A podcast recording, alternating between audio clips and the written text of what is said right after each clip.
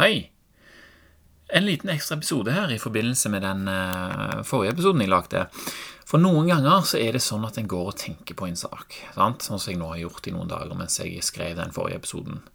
Og når tankene rundt det temaet der er lett tilgjengelig i hodet, så har man en tendens til å legge merke til andre ting som har med den saken å gjøre. Og det er jo klart at det, det trenger jo ikke bety noe, men eh, når det skjer med meg, så pleier jeg å la det bety noe. Sant? Det blir liksom som å oppdage en liten gullklump, og så tenker du at hei, der den er, er det kanskje verdt å grave litt mer? Sånn? Altså, det blir litt som om de tankene som jeg allerede har, eh, blir bekrefta, og at jeg kan lete videre med større selvsikkerhet. For tanker, tankene våre som vi har i hodet, de har vi jo ofte bare kommet på sjøl, og så vet vi ikke om de er riktige, eller om de henger på greip for, eh, for andre folk. Så når jeg da slo opp på dagens Daily Stoic, eh, så sto det noe der som lett kan assosieres med, med tankene rundt dette med sammenligning og, og, og, det å sette pris på det man har. Eh, og Daily Stoic, den boka har jeg hatt i noen år nå, og det er en bok jeg har der det for hver dag i året er noe en stoisk filosof har sagt for lenge siden. Det står en sånn setning fra en eller annen, og så står det en litt mer sånn moderne forklaring etterpå, som da er skrevet av Ryan Holiday og Steven Hanselmann, som er liksom forfatteren av den boka. Eh, og denne gangen her så var det Marcus Aurelius, eh, han romerske keiseren, som skriver til seg sjøl, så jeg bare oversetter det sånn cirka fritt, jeg, så får du, eh, får du, se om du får noe mening ut av det. Så det han sier, altså Han, han skrev jo til seg sjøl. Den boka han setter jo til meg sjøl, og den var jo ikke meningen at den skulle gis, gis ut. Den ble bare funnet senere når han var, han var død. Og der har han skrevet forskjellige ting til seg sjøl som gjør at han lettere skal kunne styre tankene og holdningene og, og handlingene sine i den retningen som han ønsker. da. Så dette sto altså den dagen her. Hva gjenstår å verdsette?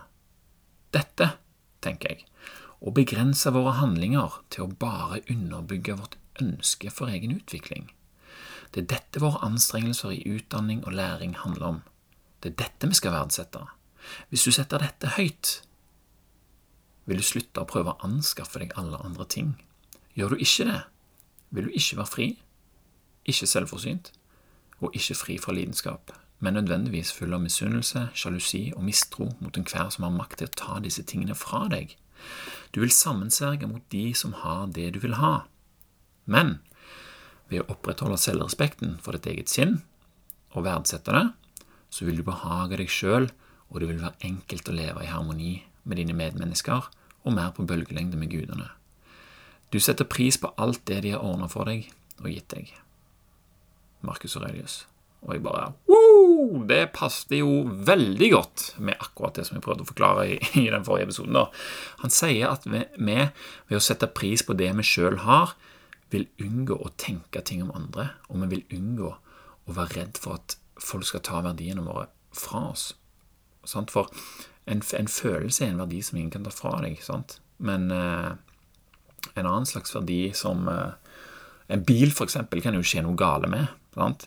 Og vi vil frigjøre kapasitet til å leve livet vårt i harmoni. Og vi vil enklere kunne bruke vår kapasitet til det vi egentlig ønsker å bruke den på, hvis vi er veldig avslappa med disse tingene, hvis vi ikke har veldig mye å passe på eller være redd for at vi skal miste. Sånn vi kan ha de og være trygge på at vi har de. Og Så kommer det videre da en sånn forklaring fra Ryan Holiday og, Steven Hansmann, eh, der han sier Warren Buffett, som er verdt rundt 65 milliarder dollar, han bor i det samme huset han kjøpte for 31 500 dollar i 1958. Og John Urchel fra Baltimore Ravens han tjener millioner men han lever på 25 000 dollar i året. Og San Antonio stjernespiller Kavi Leonard han kjører rundt i sin Chevy Tahoe som han kjøpte som tenåring. Kontrakten hans er verdt 94 millioner dollar. Hvorfor gjør de dette? Det er ikke fordi de er kjipe eller, kjip eller gnitne. Det er fordi deres verdier ikke er dyre å opprettholde. Ingen av disse havner her ved noen tilfeldighet. Deres livsstil er et resultat av prioriteringer.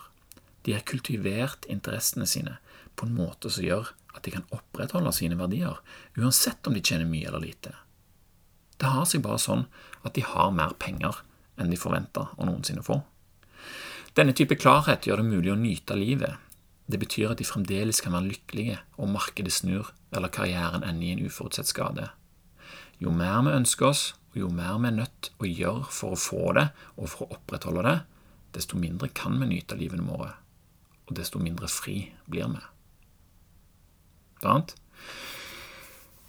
Jeg syns iallfall det her passer veldig godt. Og det er, liksom, det er litt nice når du får det bekrefta fra en annen eh, kilde, kanskje noen du ser opp til. og som Jeg, jeg syns jo han Ryan Holiday er en god forfatter. Jeg eh, liksom respekterer de tankene han har, som regel. Så når jeg har hatt en tanke da, som blir bekrefta av han, så syns jeg at det, gir meg god mening å fortsette å tenke på det. Sant? Jeg har fått en, en bekreftelse. Eh, For får vi mest ut av å ville ha det noen andre har? Eller kan vi få en rikere følelse av å være glad for det vi faktisk har? Vi trenger ikke å prioritere kapasitet og penger eh, på å strekke oss mot dyre ting. Vi kan bruke akkurat den samme kapasiteten på å ha det bra. Bare ha det bra, liksom. Nyte livet vårt og være glad for de gode tingene vi verdsetter. Og det er mye billigere, og det er mye enklere å oppnå. Det blir lettere å ikke bry seg så mye om å ha mest mulig. Og når vi da vet at Warren Buffett, en av verdens rikeste menn og mest suksessfulle aksjehandlere, ikke bryr seg mer enn at han fremdeles bor i sitt første hus, så tror jeg vi kan eh, øve oss på å gjøre det samme. Er du ikke enig? Så det var en liten sånn tankestrekk eh, i forbindelse med forrige episode, og òg et forsøk på å lage en litt sånn kort og konsis episode som vi snakket om her for, for litt siden. Så um, si meg gjerne hva du syns om det, om det er greit med sånne små innimellom. Uh, for det er litt kjekt òg å gjøre det. Ofte så tenker jeg sånn når jeg har spilt en episode, så etterpå så kommer jeg på massevis av ting som egentlig burde vært i den episoden, men så tar jeg det bare ikke med. Men kanskje jeg kan lage sånne små som dette her hvis sånne ting skulle dukke opp, da, så får du det med deg allikevel. Send meg en mail på eivinettpodkasten.no hvis du har lyst. Eh, I mellomtida så sier jeg takk for nå, takk for meg, og takk for at du hørte på. Så snakkes vi neste gang.